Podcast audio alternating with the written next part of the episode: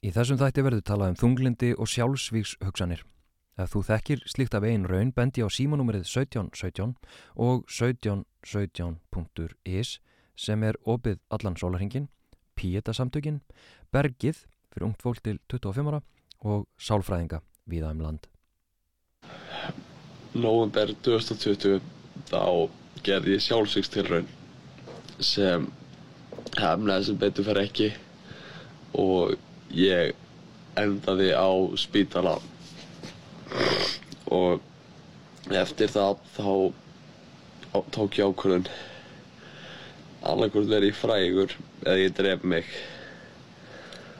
Og ég var veist, það var endalaust á dögum í nokkra mánuði sem ég vaknaði og bara okkar ekkert að lifa. Og svo þú veist, þetta ljóma svo fokkin heimskulega. Ég opnaði, þú veist, TikTok og sá bara einhver komment frá fólki sem ég þekki ekki neitt. Og það var eina sem var að halda mér á lífi í nokkra mánuði. Fokkin takk ég Veganbúðin, Dominos og bakhjarlar karlmennskunar bjóðu á þennan þátt.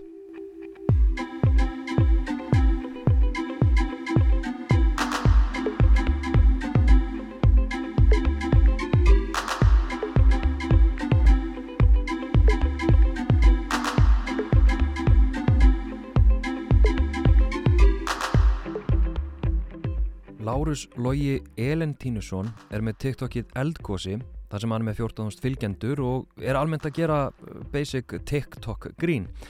Það sem fæstir vissu, já þangar til hann deildiði með fylgjendum sínum var að hann var að glíma við þunglendi og sjálfsvíks hugsanir eins og við heyrðum hann lýsa í upphafsstefinu.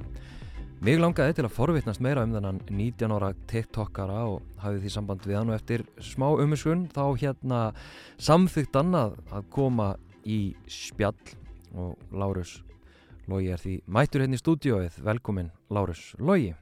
Takk fyrir. hvernig, nú hlustuðu við saman á, á byrjunum á þessum þætti þar sem að þú varst að lýsa um, já, því að þú hafir verið hérna, gert sjálfsvíks tilraun. Hve- hvernig, hvernig er að sjá þetta aftur, hlusta á þetta? Eins og þú sér þá er ég með tár í augunum. já, Mér finnst mjög erfitt að horfa á þetta vídeo. Já, en ég veit að það er mikilvægt að þetta vídeo sé að núti.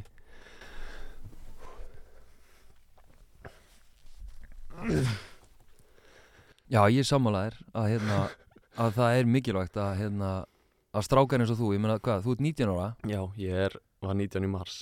Einmitt og, og það er bara ótrúlega mikilvægt að, að hérna og í rauninu hugrægt sko líka af þér að, að, að þóra að, að opna þið svona því að Já, takk. við vitum að, að strákar hafa tilfinningar við vitum það þó við fáum mjög sjaldan að heyra það sko að þeir berskjaldi sig svona eins og þú gerir Já, þetta var alls ekki létt. Ég er búin að vera í bara eitt, eitt og hálft ár. Búin að vera að reyna að plana að taka þetta upp og posta þessu. mm, Það tók smá tíma. Já, skiljanlega, ég meina veist, ég, ég veit ekki eins og hvort að sálfræðingar myndu mæla með því að, að sko að opna sér svona rosalega á samfélagsmiðlum, ég meina þú veist, ert með, náttúrulega með hérna, út frægur og TikTok. Já, ég er TikTokari.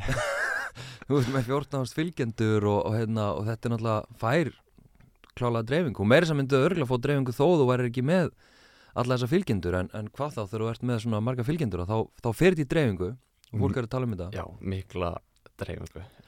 Hérna árunni svona fáum kannski að vita smá sko baksuguna og svona, ég meina hvaða viðbröð hefur verið að fá hérna við þessu, ég mynda mér að þú hafi fengið tölvu viðbröð. Já, um það byl 1500 komment á TikTokinu Emmitt. á, en já, þegar ég postaði vídjónu þá var ég að búast við 50 komment já, og 10 væri fólk að gera grína mér Já, já, já, já. en það ég af þessum, ég las hvert einasta komment og það var aðeins eitt komment sem var í- raun neikvætt. Já, já, já.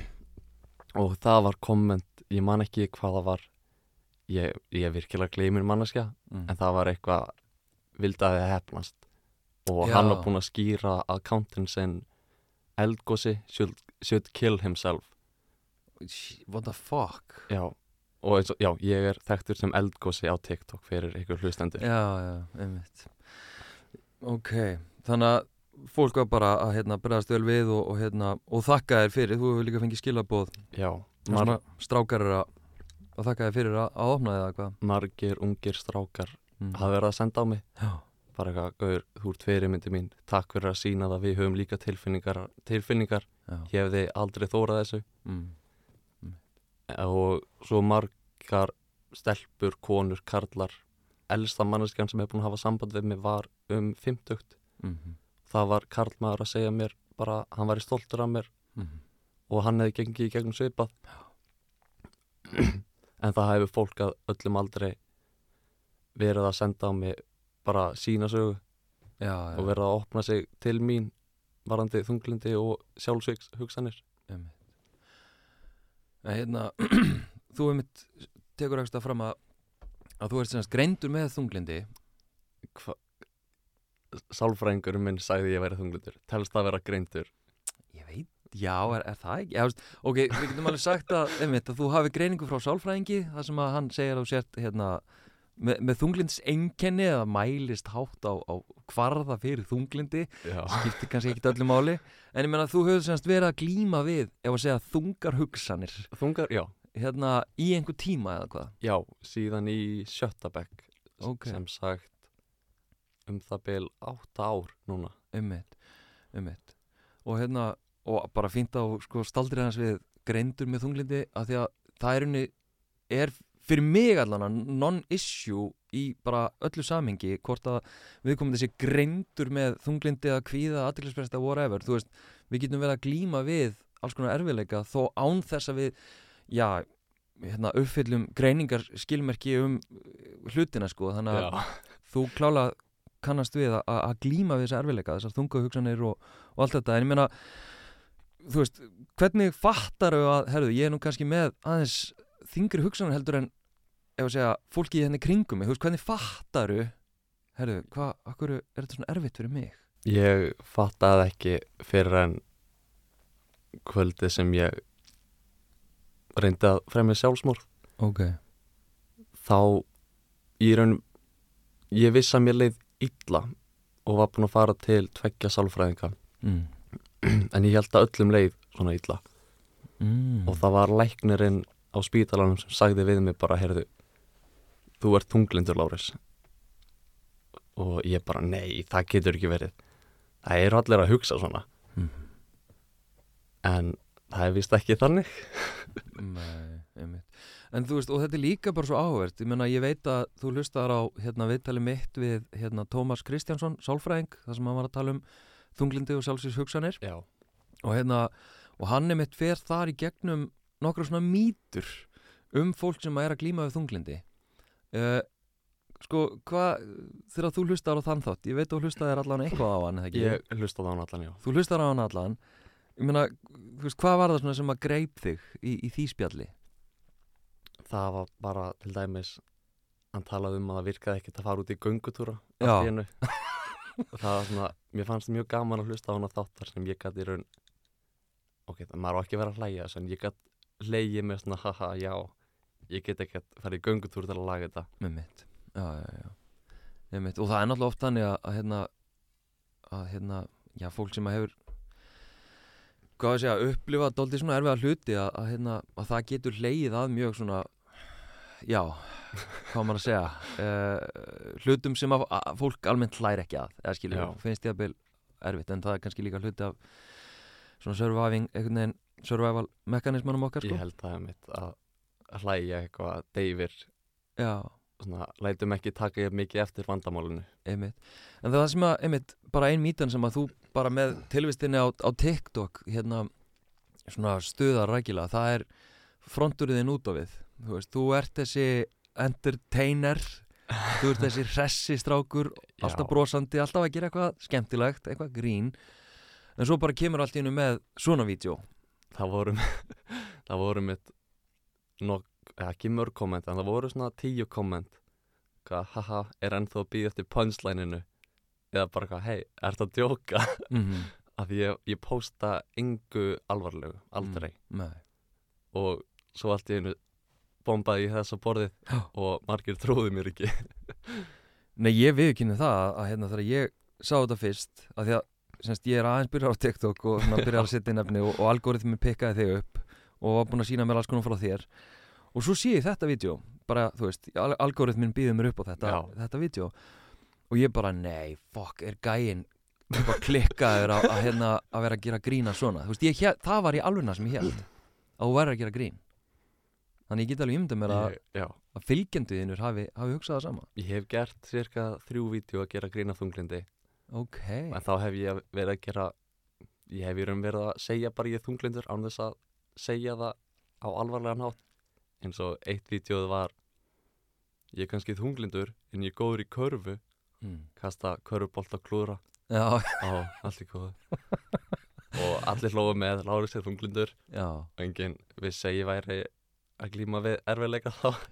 Sko, og það er líka svo áhvert að því að ég sagði aðan, ég fór náttúrulega gegnum TikTokið þitt og hérna skoða alls konar vídeo og bara, Já. þú veist, ég reyndar líka, ég reyndar að googla þig, ég googlaði nafnið þitt, kemur það kemur ekkert upp, það er, það er málið. Ha, það kemur ekki neitt upp, það er ótrúlega áhugavert. ég, ég ger ekki neitt merkilegt ég er bara inn í herbergi að taka vídeo og posta TikTok En sko, en ef maður googlar einmitt eldgósi eða eitthvað annað, þá kemur alveg endalust frá TikTok. og kemur ekki upp eldgósið Ég er kannski sett í nafnið líka. Já, Hérna, já, já, ok. En allavega þegar maður leitar með TikTok, þá kemur alveg endalust upp.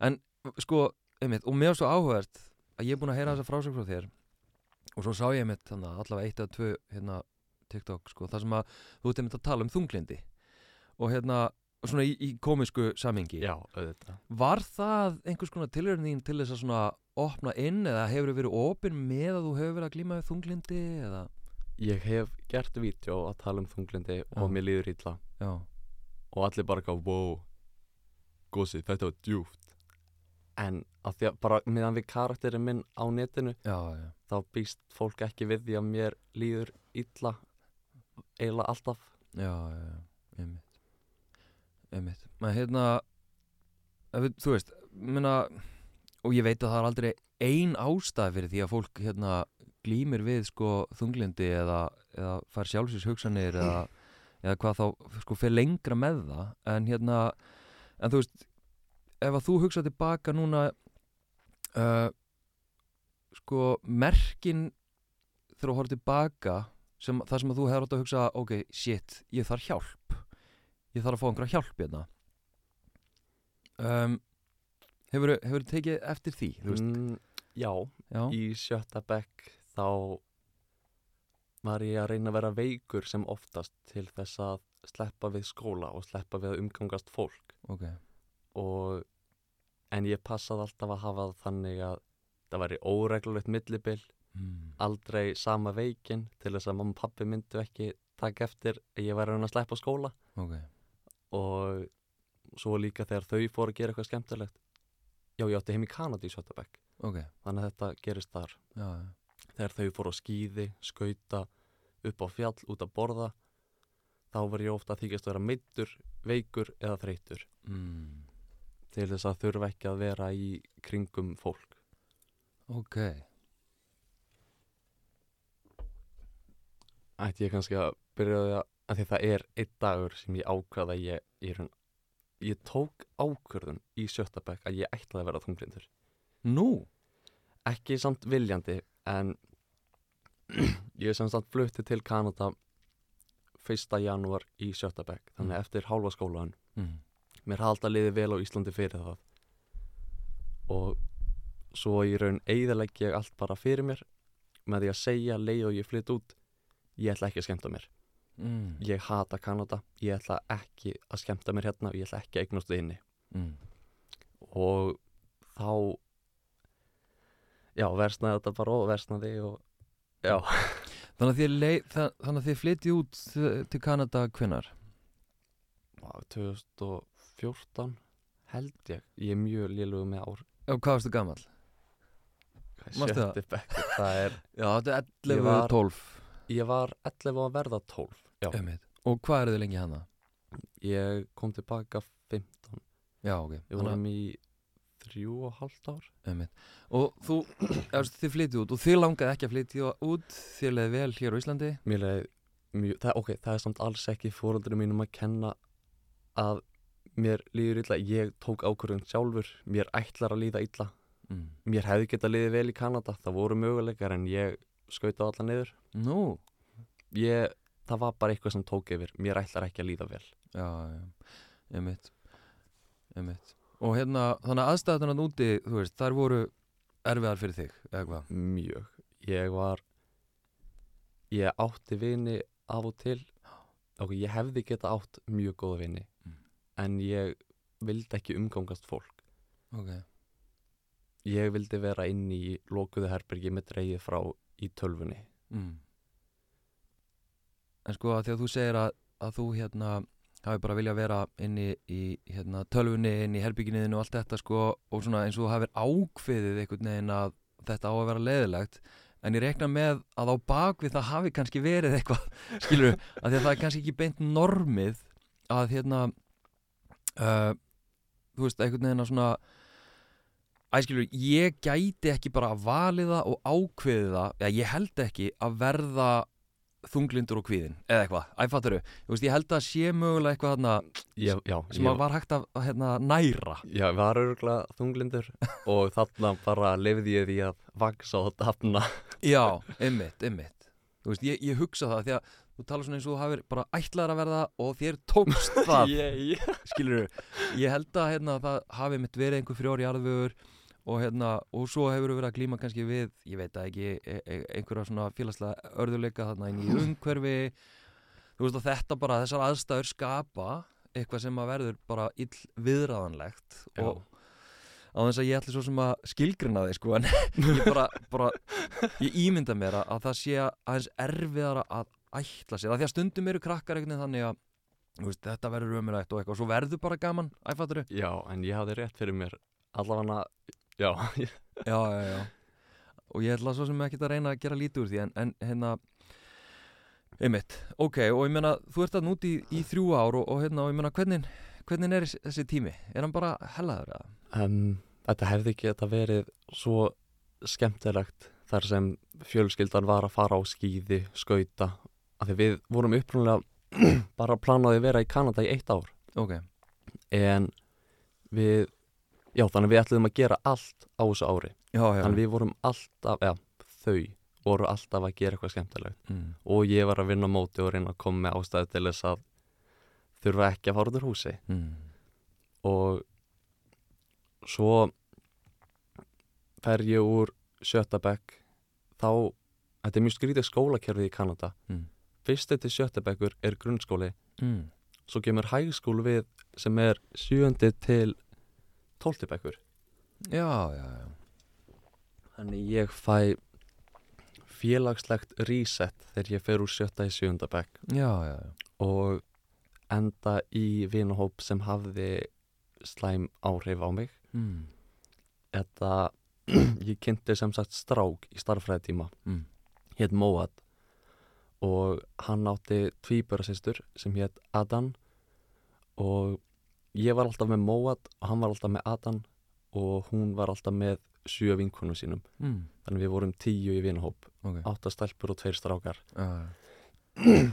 og ég var talin vera myndalegur strákur í sjöfunda bekk Mm. og þær anna eiginlega bara leið og við byrjum með vinahópnum þá fóru þær ekki allar átta en flestar að kommenta á hvað ég veri heitur og að þær vildu ríða mér Mm. og voru ofta að snerta mig Mm. bara í skólanum mm. veist, á lærin og utan á buksunar og fóru stundum inn á bólinn Mm. og voru að reyna að ríða múið bólnum af og til að sjá magan á mér Já. og þá hló ég það bara af eitthvað oh my god, haha, nei, hætti þessu Já. en núna nokkrum árum setna fatta ég að þetta hafði verri áhrif á mig en ég held Mm.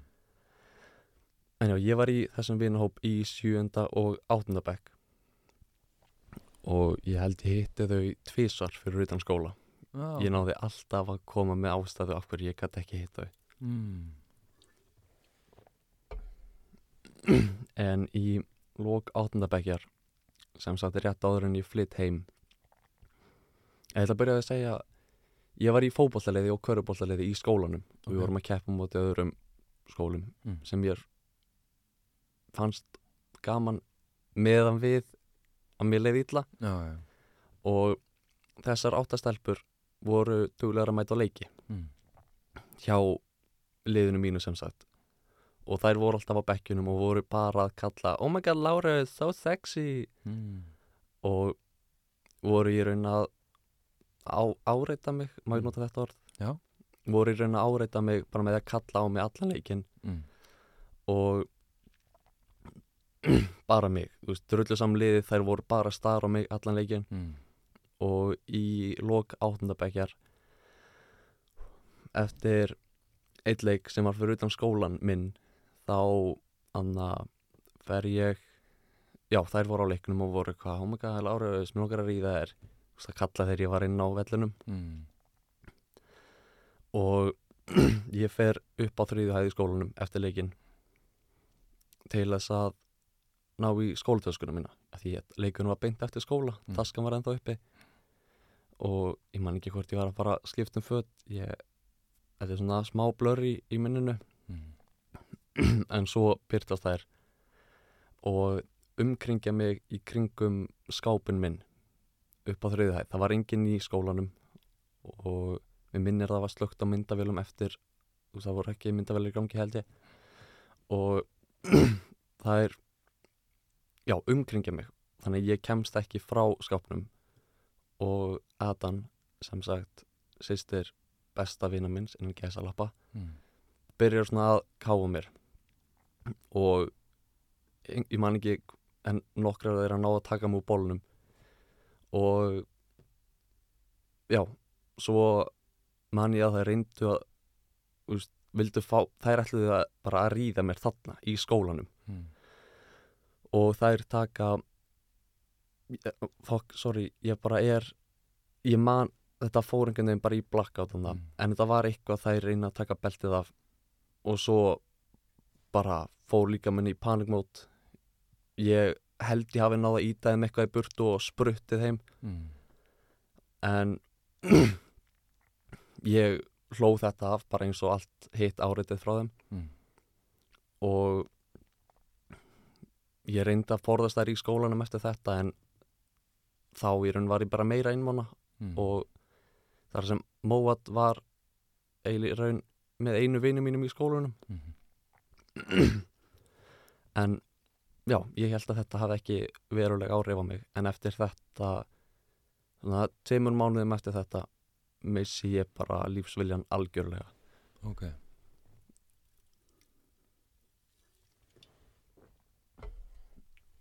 og ég tengdi í raun aldrei sjálfsvíks hugsanirnar við þetta atvik Mm. en núna nokkrum árum setna er það augljóst að tilfinningarna restnuðu hundraðfalt eftir þetta atvik Já, já.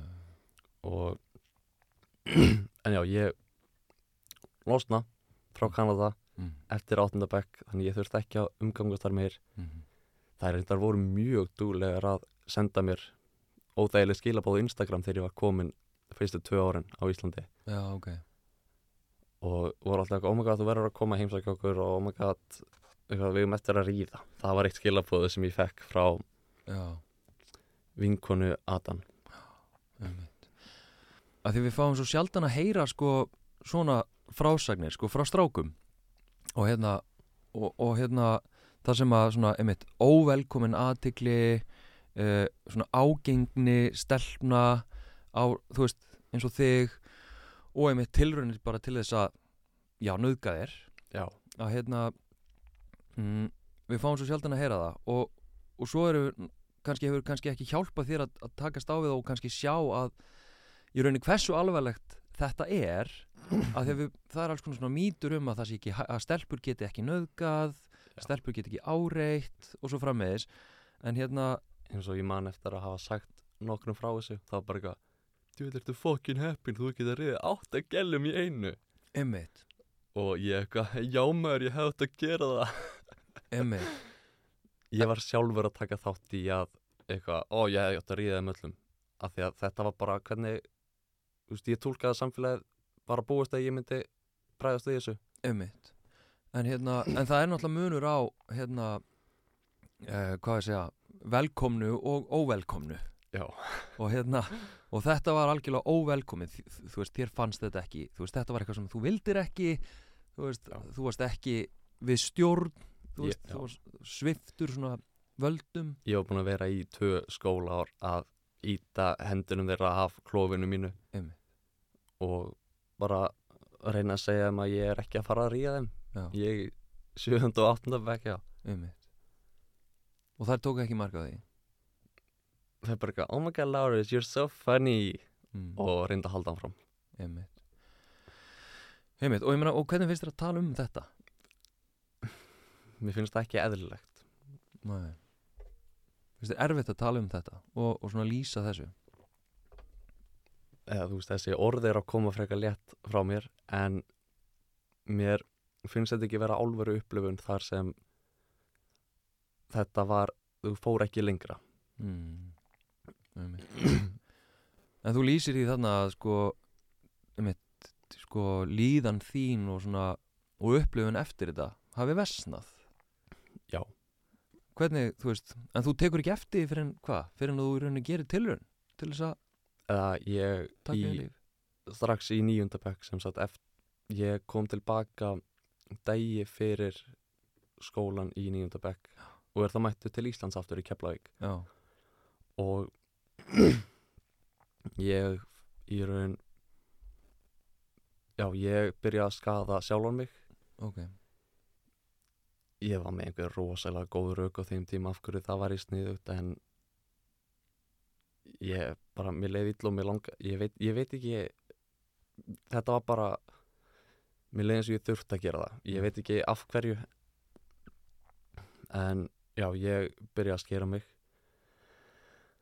Ok, þetta reyndar veit ekki svakalega margir en það er allir góðu ég, já, byrja að skera mig og mæti einhvern tímann á körupáltæfingu og síni besta vini mínum bara, ei, sjáðu, ég var að skera mig mm.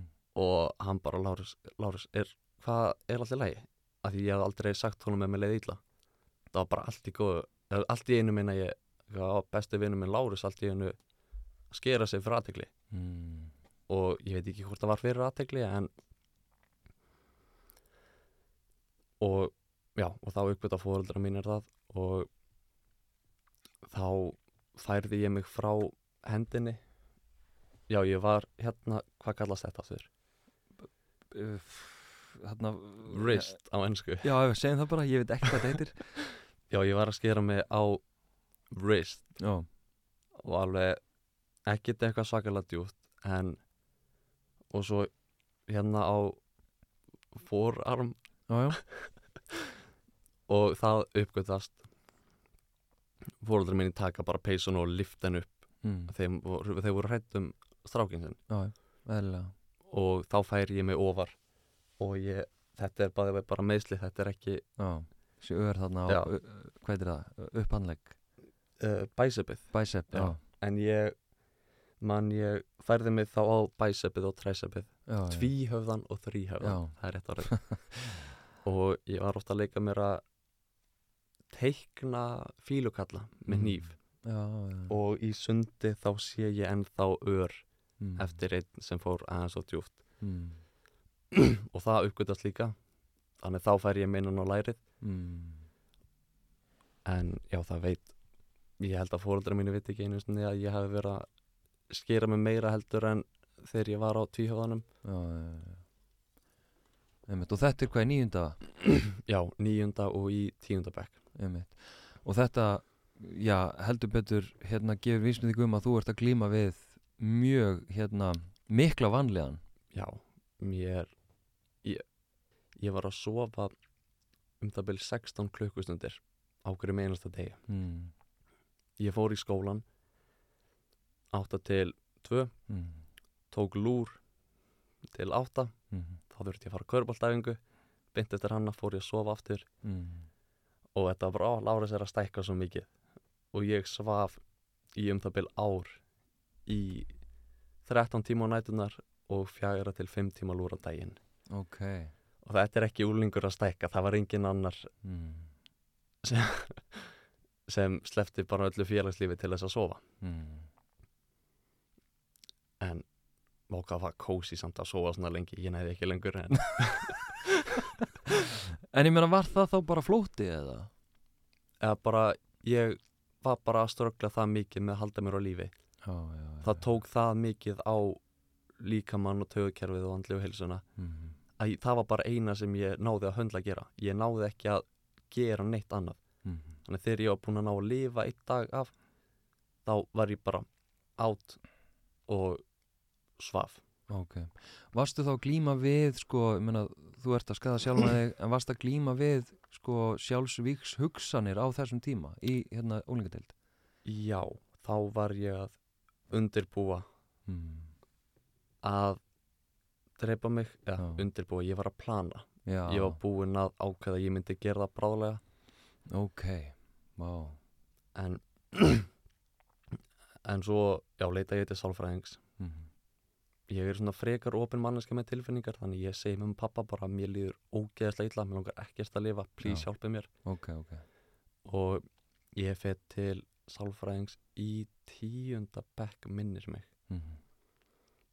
og hún hjálpaði mér með því að lá, láta mig stoppa mig frá því að skera mig Mm. þá fyrir út að hlaupa í staðinn Mm.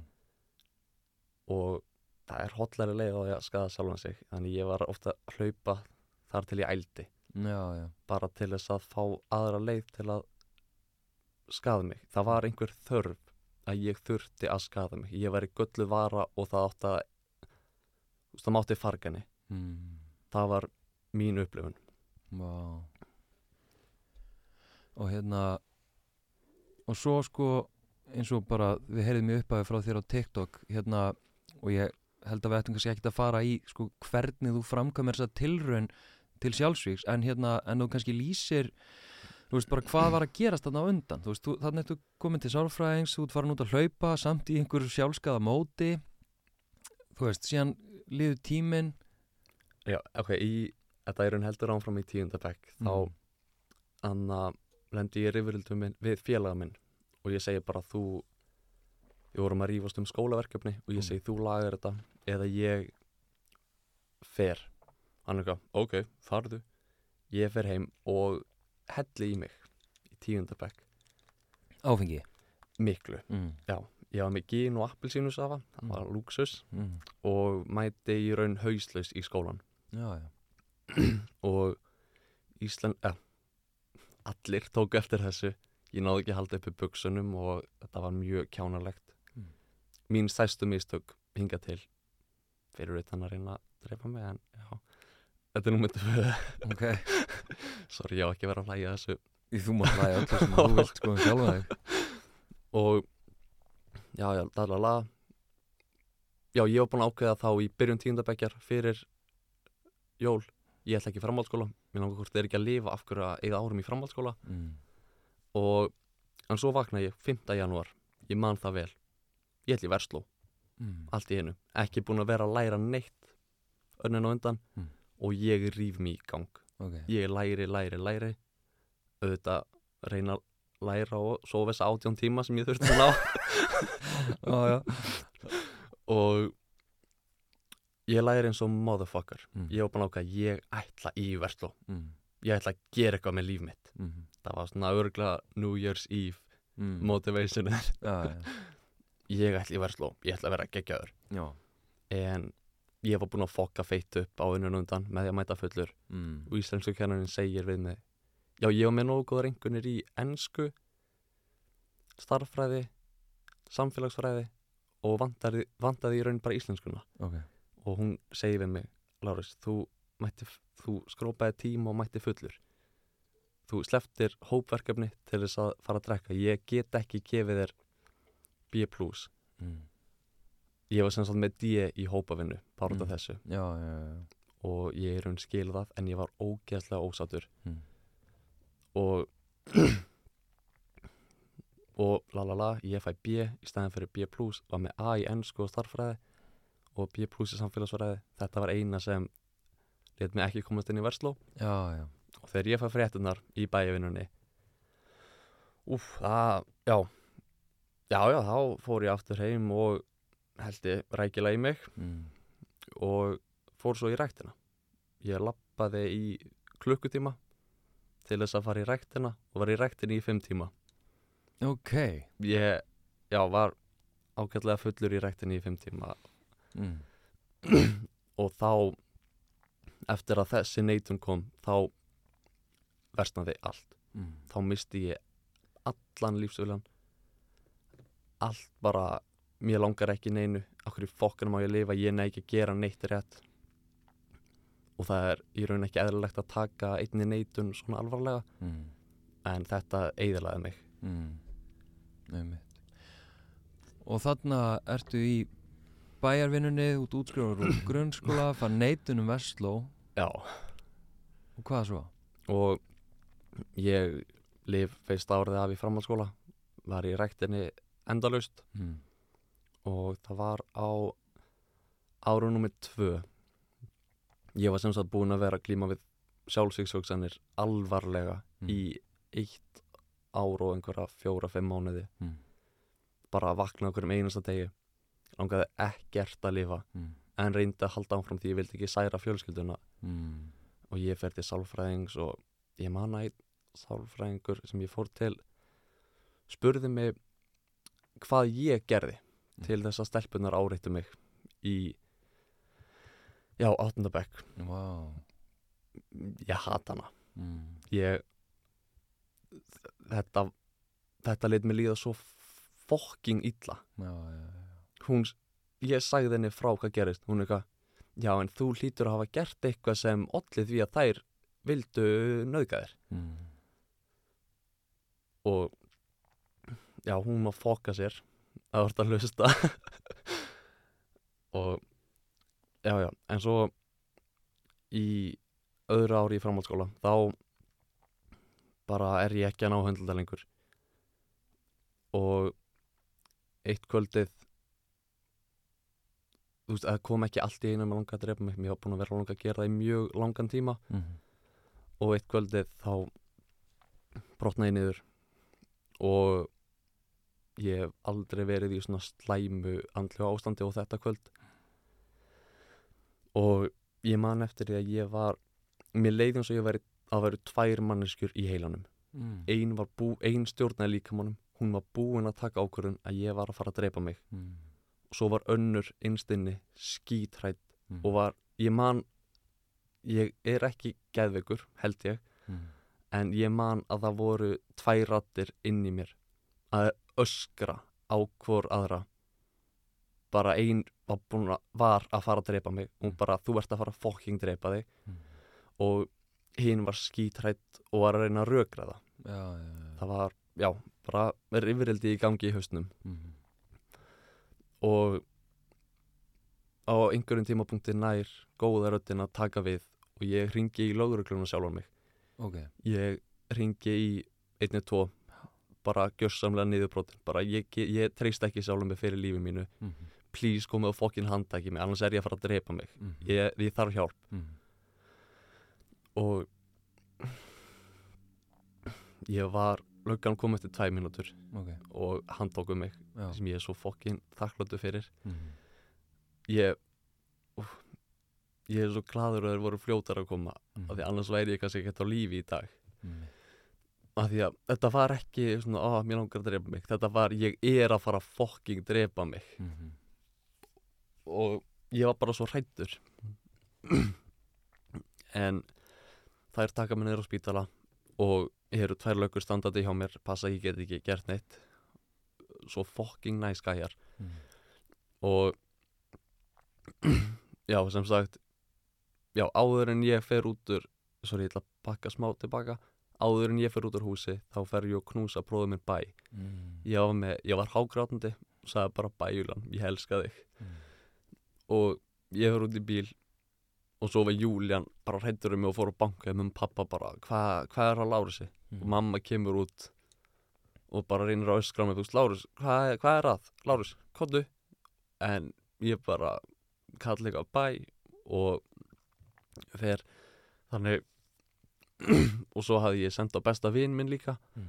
bara eitthvað takk fyrir allt eitthvað njóttu, ég elska þig Mm. og hann og tveir aðrir spretta að húsinu mínu þeir eru sjá þessu kilabóð Mm. og voru mættir á tveim mínútum en ég var farin Mm. þannig að voru margir að leita að mér Já, nágrannin var líka að hjálpa að leita að mér að því að fólkið fattaði bara frá þ- að ég var búin að gefast upp. Mm. en sem betur fyrir enda ég á spítalanum og þá segir læknir bara heyrðu, þú ert þunglindur. Og ég eitthvað, nei, ég er ekki þunglindur. Mm. og hann eitthvað, jú, þú ert þunglindur. Og ég eitthvað já, veistu það, geti kannski verið. Oh my god. Wow. Fuck. Við grátum hérna saman bara. já. Vá og þetta var í fyrsta skipti sem einhver segir fyrir mig að ég sé þunglindur. Já, það já og menn ég var búin að bara ekki, valla, valla li, vilja lifa í einhver fjögur ár. Hann, nei, fimm, fimm ár. Já. Hann bara, Láris þetta er ekki spurning, þú ert þunglindur. Hann er væntalega ekki hlægjandi eins og ég núna. Nei. og ég byrjar á þunglindislegum daginn eftir. Ok og eftir viku var tekið ákvörðun að ég þurfti að vera töföldum skamt Já. Þar sem ég var ekstra góður í að vera þunglindur. Já Einmitt. Vá. Og þá kemur TikTok. Mm. og ég að þú veist, ég man nóttina eftir að ég var á spítalanum þá svaf pabbi í rúminu og hjælt utanum mig alla nótt. Mm. og það var svo næs bara að vita að hann og allir væru til staðar. En ég man ekki hvort það var daginn eftir eða viku sinna en ég segi bara það er ok. Ég grunlega má ekki dreipa mig núna. Það er allir að passa upp á mig. Þannig ég ætla að vera að reyna ég ætla að vera frægur í Mm. millitíðinni. Mm. og mér leið samt alls ekki vel þráttur ég var að þunglinslifinum mér fannst þau ekki hjálpa neitt. Nei, ok. Nema bara, núna byrja ég mótnan á ég að taka einhverjar töflur. Já, já. Engin áhrif samt. Og já ég ætla að vera frægur. Hvernig er besta leiðin að gera það? Og þá byrja ég serju sem heitir nei ég var byrjaður með serju sem hétt Lárus Prófar Já. Þar sem ég var að fá fólk til að segja mér ei getur þú smakkað þennan drikk og ég testaði bræðleika, þambanleika og eftirbræð Ok. Ok. Á TikTok á TikTok já. Já. Og ég fer að posta tvísati þrísar á dag. Mm. og á milli november og desember greiði ég 3000 íslenska fylgjendur Já, já, já. á mánuði. Mm. og allir elskuðu mig. Það hljómar kokki en ég er mjög þakkláttur fyrir það af því að ég elskaði mig ekki. Já. Og þetta var í raun eina sem hjælt mér á lífi. Vá. Ég vaknaði endalust á dögum bara í bara kasti, ég get ekki meir þetta er of mikið, ég ætla að enda það. Og ósta svo TikTok-vídeó og svo bara hundur kommenta, flestir enda bara að segja Fanta, Já Nokko en svo vor inn á milli mjög falleg komment. Mm. bara eitthvað, ó, Lárus, þú ert uppáhalds TikTokari minn. Og þú ert fyrirmyndi mín. Þú ert svo nettur. Mér langar að vera eins og þú. Og það voru þessi komment inn á milli sem í raun va- var eina ástæðan af hverju ég var ekki búinn að fara. Einmitt. Og ég sem sagt er á lífi í hvað, hvað, eitt eitt eitt og hálft nei, sorry, í nýju mánuði var ég eingöngu að lifa út af TikTok kommentum mm. og rauðu notification búblunum Mm. elskaði að fá þau Mm. og eins og ég man þegar ég var í netto, ég var að vinna þar Mm. Hann kom aðdáandi og baði mig um mynd. Þetta var fyrsta skipti sem einhver þekkti múti almenning. Já, já, þetta var held ég í desember sem stóð mánuð eftir að ég reyndi að drepa mig. Já. og þá bara tóku tilfinningar yfir. Ég byrjaði að hágráta í vinnunni. Ég vissi ekki hvort það voru gleði, kvíða, stressi eða bara þakklæti. Já. en hann heitir Davíð. Þetta er bróðir stelpuð sem ég þekki. Já. Davíð ég elska þig. Og smá útutúr ef hann heitir ekki Davíð þá er ég danskið ég er svo lélugur að munna Vonum bara hann heiti Davíð. Ég vona það. En já, þetta var eina sem held mér á lífi í langan tíma. Mm. þegar mér leið á mínu versta tímabili var þetta það sem held mér uppi. Mm. svo fæ ég seinasta sumar um, skilabóð á Instagram frá 12 ára nei, sorry 13 ára strák. Og þetta var alveg löngræða bara Lárus mér langar að þakka þér. Mér hefur ekkert langað að lifa seinustu mánuði. Og ég er búin að vera íhuga að taka lífið mitt daglega en að sjá vídeo og þér brosa og tala. Lætu mig líða svo vel. Þú ert ástæðan af hverju ég er á lífi. Mm. og þá í raun já, í raun ég, ég brotnaði niður ég, þá uppgötaði ég að ég var alls ekkert að lifa fyrir sjálfan mig Mm. heldur var ég bara að lifa til þess að fólk geti hort á mig Mm. og það er þessum stráka fatta að ég ó, tók virkilega á í minni andlegu heilsu Mm. og ég tók tveggja mánuða pásu frá TikTok þar sem ég var í raun þetta var pröfa. Gaf hvort ég geti haldið mér á lífi þar átt fyrir að já, á meðan ég væri ekki að fá TikTok notifications. Ég eiti TikTok, held ég eiti Snapchat og Instagram líka. Mm. og var að gá hvort ég geti lifað án TikTok. Og það var ógeðslega erfitt í byrjun en ég vann í því þannig að og svo endanum þá úst, í raun náði ég að vera á lífi án TikTok og var að lifa fyrir sjálfan mig Mm. allt bara út af þessu einu eina skilabóði Mm. annars væri ég kannski ennþá grátandi daglega að vakna Mm. og skoða TikTok komment til þess að fá orku í að halda mér vakandi Mm. já, já, þetta er og svo já, það er ár síðan í raun ég fekk þetta skilabóð Ok, og þá tekur tekja manna pásu í kjölfærið og, og, hérna, og vinnur svona í þínum andlu málum? Já, og hérna og færið einhverjar bjargir vantanlega hvað, einhverjar, einhverjar, einhverjar hjálp og aðstóð og hérna og fer síðan aftur inn á TikTok eða? Já. Ég já, byrja aftur á TikTok af því að þetta er áhugamál eina áhugamáli mitt. Mm -hmm. það er að vera að búa til vídeo og reyna að láta öðrum líða vel. Mm þannig að mér fannst ég ekki geta lokað alveg á það. -hmm.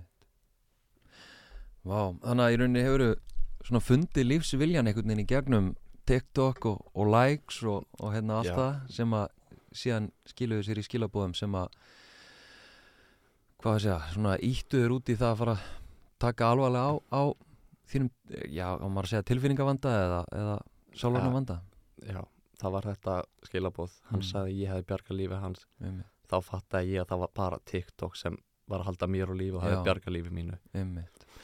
En kannski líka bara til þess að nefna að ef einhver er að hlusta skilur sem finnur sig kannski í þínum sporum að hérna að þá náttúrulega er, er ég sem þessi þáttastjórnandi, ég er náttúrulega ekki að tala um að, að leiðin út úr þunglindi sé TikTok en það sem að Ó. kannski alls, alls, alls ekki en það sem að ég tek sko frá þér er að hérna er að finna sko einhver tilgang þú veist, er að finna einhverja von eitthvað sem að gleður, eitthvað sem að hvað á maður að segja, getur nært okkur og, og hérna, mitt veitur okkur tilgangin þú veist að það skiptir svo miklu málu og það er náttúrulega líka sem að Tómas hérna Kristjánsson sálfræðingur sem að hérna er svona kannski doldið mikill sérfræðingur í einmitt þessu að hann talar um þetta að finna vonina, að finna tilgangin og reyna síðan að, að haga sér, þú veist, að þú lýsir svo óbáslega vel uh, hugsununum og tilfinningunni og tilgangsleysinu þínu, þú veist, þér fannst þú bara vera eitthvað drast, þér fannst lífið vera ömulegt og þetta var erfitt.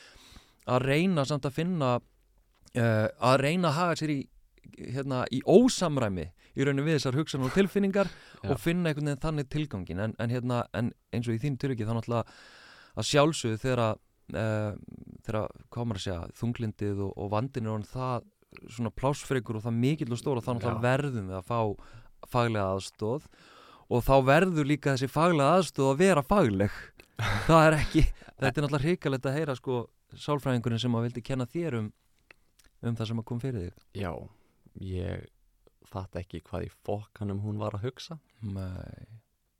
En já, já, mm. ánfram gakk áfram gakk, já, já. En ég meina þín frásögn vonandi líka bara ítir við fólki sem að, að þetta eru raunverulegar mýtur. Svona mýtur um það að það sé þólundum um að kenna að verða fyrir ofbeldi að strákar geti ekki orðið fyrir áreitni að það sé ekki að nauðka strákum. Þú veist, þessar mýtur eru raunverulegar. Og, já, og það að sérfræðingur mm. hafi verið að íta undir þessa mýtu já, sýnir bara virkilega mikið já, í sko faglegu samtali við þig, veist, þetta er náttúrulega þetta er ekki hægt, sko, þetta er ekki bóðlegt en ég meina eins og í dag, ég meina þú veist, ég ímynda mér að, að, þunglindi þetta bara, það hverfur ekkert. Ó, alls, alls ekki veist, þannig að hérna, hér er þú bara glaðlindur, hress, ungur strákur, 19 ára með þessa reynslu og hérna bara ótrúlega mikið hugur ekki að, að vilja koma enga og, og deila þessu með mér og, og fyrir þeim sem er að hlusta og líka bara það sem að gera á TikTok deila þessu þar.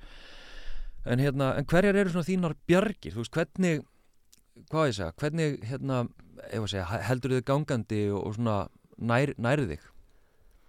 Úf, þú ert ekki að spurja réttu manneskuna en það sem hefur hjálpað mér langmest er eða var einn sálfræðingur. Okay. ég hef verið hjá fjórum mismunandi. Mm -hmm. Og þessi þrýra undan virkuðu bara ekki Mm en ég ákvaði að halda áfram að reyna -hmm. og ég fann í fjóruðu tilraun virkilega góðan sálfræðing Mm -hmm. heiti Siggi og hann já, hjálpaði mér svo virkilega mikið að ná í raun að rífast við þessar hugsanir Mhm. og hann bendi mér á það að það er aldrei sniðugt að vera að byrðast einn með þetta Mhm. Þú heldur kannski að þú ert að draga fólk niður með því að láta þau vita að þið líður bara ógeðslega illa Mhm. en það er ekki þannig þannig ég hef verið duglegur að láta vini og fjölskyldu vita Mhm. bara þegar mér líður á verstu, stöðun, verstu stöðunum Mhm.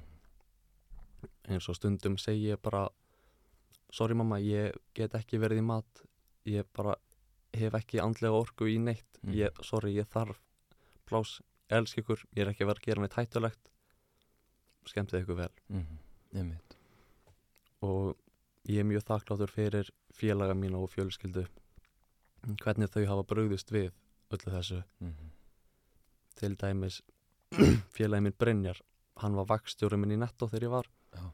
og kvöldið eftir að ég reyna að fyrirfara mér mæti ég í vinnuna klukkan átta. Ok.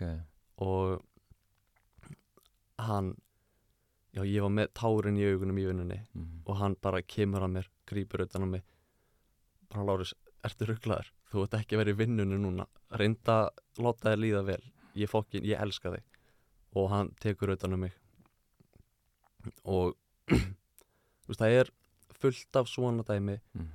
frá vinum, fjölskyldum og bara öllum í kring að þau vilja hjálpa Mhm. það er enginn sem er að fara að hugsa oh, Lárus er þunglindur Æ, ég leiðum honum bara að líða illa ég nenni ekki að díla við það Það vilja allir hjálpa Já, sem tók ógeðslega langan tíma að uppgöta Mhm. en það er alltaf einhver tilbúin að hjálpa Mhm. Það er líka aðstóð fyrir ef að segja þau að þá sem að tengja við þína sögu og upplifa sér algjörlega ein og, og hafa ekkert að leita á hafa kannski ekki efna á sálfræðing sem er alltaf fáránlegt að, að það sé fólki í þeirri stöðu. Holy það er svo virkilega dýrt. Já. Vá, Ég veit það, það er bara fárunlega dýrt og er, það á ekki að vera forréttindi að geta fengið hérna, aðstöð sálfræðings. En, en þau sem eru í þeirri stöðu þá náttúrulega bara vil ég strax benda á á píetasamtökin og, og hérna eitt er mitt komment á það. Mörg af þessum skilabóðum á Instagram hafa bent mér á að Píeta hafi bjargað þeim. Já, og ég veit ég hef ekki fengið svona mörg skilabóð að minnast á Píeta væri þau ekki að gera gagn. Mhm. ég tók ekki eftir Píeta en endilega leitið til þeirra. Mm algjörlega. Ef þið eru með virkilega bara ef þið eru með vandamál. Já, ég meina ef þið tengið við þessa frásögn þína og hérna er að glíma við tilgangsleysið og vonleysið og jafnvel sjálfsíðshugsanir eða, eða svona djúpt þunglindi það sem er ekki, engin tilgangur að klárlega opna og það er náttúrulega eitthvað sem að þú hefur sem bara blessunlega gert vel að þú hefur opnað þig þú veist, þú hefur sagt frá. Já. og hérna þó þú kannski hafir þurft óþarlega lengi að burðast með, með þennan þunga bakpoka að, hérna, að þá samt sem áður inn því end einhvern veginn þá hleypur fólki að þér. Það var allt miklu auðveldara. Já, ég þurfti ekki að þykjast vera gladur Mhm. en ég auðvitað geri það eiginlega alla daga. En ef mér leið virkilega illa þá gæti ég sagt bara að ég var búin að opna mig mm. mér líður illa smá plás, please. Ummitt, ummitt. Og, og, meina, og hvað er það í dag svona, sem að, segja, heldur í þér hérna voninni, tilgangnum lífsnestanum hvað er það sem að gefur þér hann? Úf, þú veist ekki að spyrja á réttum tíma. Ég er á mjög miklum lágpunkti. Ok, og ég er bara vonast eftir að geta verið hamingjusamur í framtíðinni. Ég hef fengið að upplifa hamingju inn á milli leiðilegur tímabilana. Mm og það sem lætur mér alltaf líða vel er að ég er búinn að fara í gegnum nokkuð leiðileg tímabil -hmm. en þau enda alltaf. Maður kannski sér það ekki í miðju tímabili en þau enda. Og eftir að hafa gengið í gegnum nokkur þá veit ég það bara. Mér líður ógeðslega núna en kannski eftir ár líður mér vel eða viku, það Mm. veið bara eftir ummitt og svo náttúrulega geta vonandi sálfræðingur og aðri, að aðri fagaðila líka kannski svona lesið aðstæðum hans og svona leiðbind mann inn á, inn á einhvern farveg. Og hérna vonandi ber hérna þér svo gæfa að hérna að fá líka leiðsögn með það skilur þannig að þessi tímabil stittist alltaf sem að vera svona þung. Já, ég ætti í raun og öruglega að vera ennþá hjá sálfræðinga en Já, ég, ég hugsa að það getur ekki aðglætt en það náttúrulega aftur kemur að peningum að það eru forréttindi að fá það aðstof sem er náttúrulega er fáranlegt já, mjög. En hérna, en ég veit að við erum búin að tala saman lengi, tapa um klukktíma en það var svo ótrúlega áhugavert sko, svona rétt að lokum að, að því að semst, ég hef samband við á, á hérna, Instagram eftir ég sé þið á TikTok deila þinni reynslu og hérna og hérna spyr hvort þú sér til að koma í, í spjall hengað og, og þú svona segir, herðu, hérna leið mér aðeins að hugsa það og hérna, og ferðu hlustar á nokkra þætti í hlaðarpinu mínu. Og svo hittist ég hérna áðan að þá segir mér að þú hafi bara aldrei heyrt um karlmenn. Þú, þú hefur aldrei heyrt um þetta og, og hérna skilabóðin sem að þú hafi líka fengið var bara takk fyrir að að sína að strákar hafa líka tilfinningar. Já, og vorum að tala um það, þú veist, vákvæður áhugavert. Nú hérna til dæmis eh, ég meina ég er búin að vera með þetta Instagram og hana miðil hérna í fjögur ár eitthvað svo leis, þrjú fjögur ár ég er búin að ferast um all landi í grunnskólum að vera með fyrirlestra, ég er búin að vera í alls konar líka bara viðtölum opinberlega og, og rauninni markmið er eiginlega alltaf að tala um kallmennsku hugmyndir og það er alls konar hugmyndir sem að hafa vond áhrif á okkur, stráka Já. til dæmis það sem að hefur mjög plásfrækt allan í því sem ég hef sagt er að stráka verða að hérna, gangast til tilfinningum sínum tala um tilfinningar sínar, Já. opna þar og svo framvegis þannig að mér finnst svo áhugavert að það hafi aldrei náð til þín og þú ert strákur sem að glíma við tilfinningar skilur bara hvernig hver er leiðin til þess að fá stráka til þess að hlusta? Bara hei, í alvörinni við erum líka með tilfinningar, við meðum tala um þar það skiptir öllu máli að við, að við leiðum okkur að tala um tilfinningar okkar. Hvernig, að- hv- hvers vegna náði ég ekki til þín? Ég, ég fók ég veit það ekki.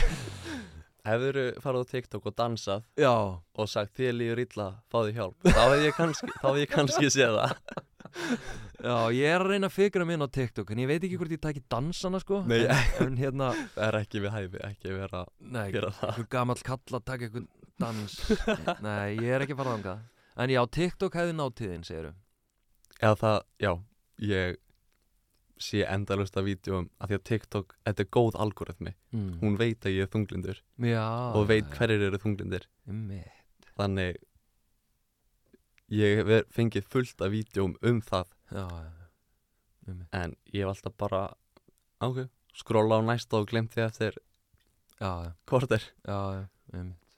Nei, maður er bara svo áhugavert að hérna bara þú, þú vissir ekkert hvað kallmennskan var. Bara ekki hugmynd, Nei. aldrei heyrta en líka það ástæðan af hverju ég vildi kanna hva, hvernig podcast þetta væri. Já, er að því að ég vildi ekki vera ég hef neitað nokkrum podcastum. Það er að því að ég vill ekki vera að mæta inn í podcast og hann er að búast við eða hún að ég er bara einhver sprellikall. Nei, nei, nei. Og svo fer ég alltaf inn og bara, ei Lárus, akkur byrjar á TikTok? Já, og þetta, það er spurning sem ég hef hatað.